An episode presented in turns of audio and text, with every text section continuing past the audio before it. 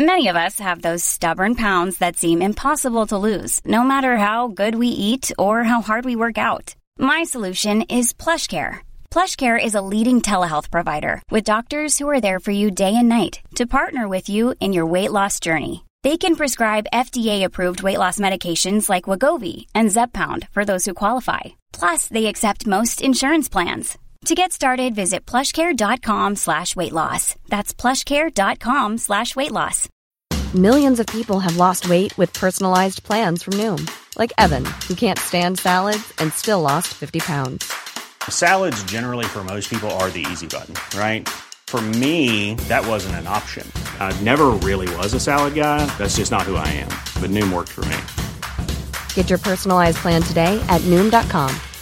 Real Noom user compensated to provide their story. In four weeks, the typical Noom user can expect to lose one to two pounds per week. Individual results may vary.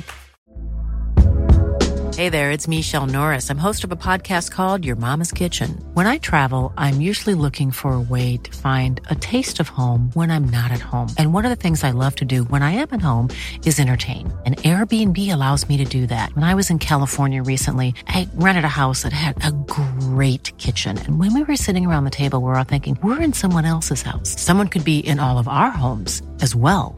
If you have a home, but you're not always at home, you have an Airbnb.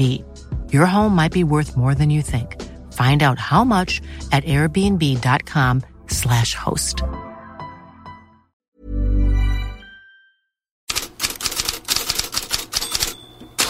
God morgon. Efter att ha läst utländska tidningar och lärt mig ordet förödmjukade på fler språk än jag önskat så tycker jag vi lämnar Sveriges fiasko mot Azerbajdzjan därhän.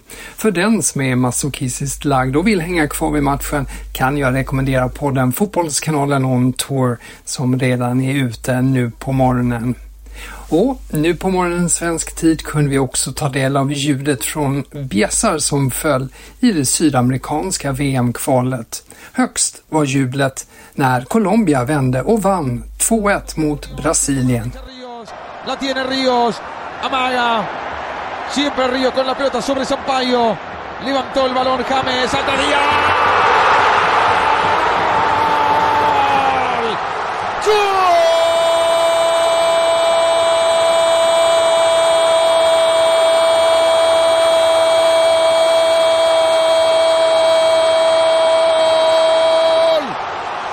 Colombia. No se lo olvida mientras viva. La Noche de Luis Diaz. La Noche de Luis Diaz, sa kommentatorn. Det var han som gjorde båda målen, men det var också hela familjens afton. Hans pappa, som nyligen släpptes efter att ha varit kidnappad, satt på läktaren och bilder efter målet visar hur han nästan föll ihop av känslostormar. Känslostormar, det var det också på Monumental i Buenos Aires mellan Argentina och Uruguay. Lionel Messi tog till och med stryptag på en motståndare och Varken han eller lagkamraterna hade en stor kväll. Marcelo Bielsas Uruguay vann överraskande med 2-0. Det var Argentinas första förlust sedan VM-premiären mot Saudiarabien. Och Saudiarabien tar plats i den engelska pressen. Saudi Pro League-basen Michael Emenalo tror inte det blir fler vågor av massvarvningar till ligan. Däremot toppspelare och därav bilder på Mohamed Salah och Erling Haaland på Daily Mirrors Sportetta idag.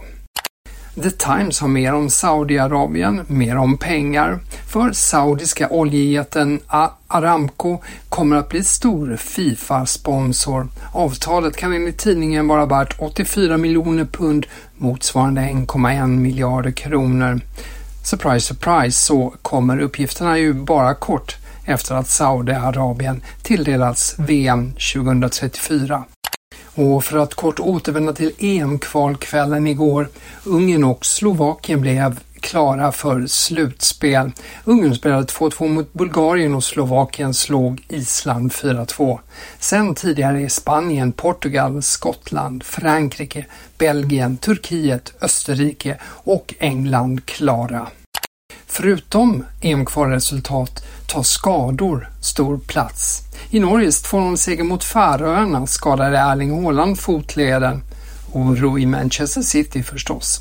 I Spaniens segermatch mot Cypern 3-1 blev Mikael Orazabal skadad.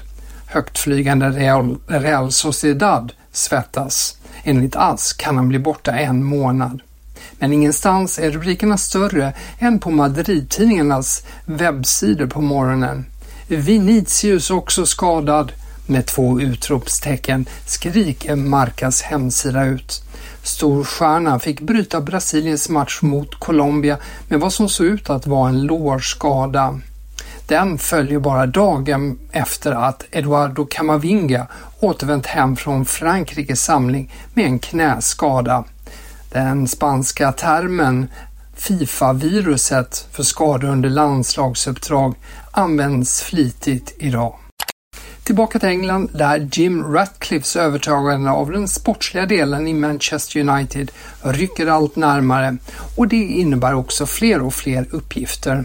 Daily Telegraph uppger att Ratcliffe väntas ta hjälp av klubblegendaren Alex Ferguson i en slags rådgivande roll.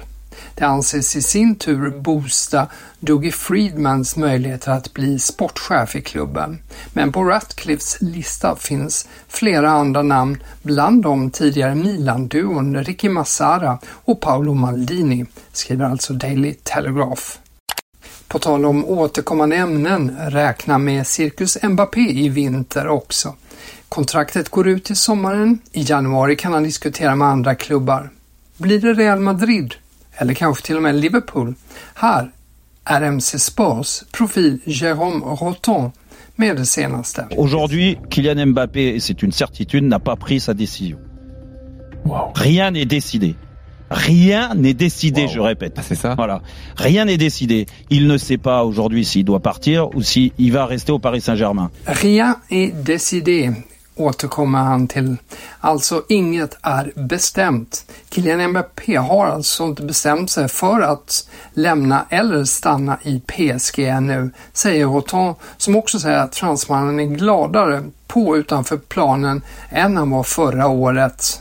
RMC Sport berättade igår också att Mbappé avstod bonusar på motsvarande nästan en miljard kronor när han i somras slöt fred med PSG. Ja, det här och mycket mer kan ni läsa om i bloggen på Fotbollskanalen. Här är jag tillbaka igen på måndag. Trevlig helg!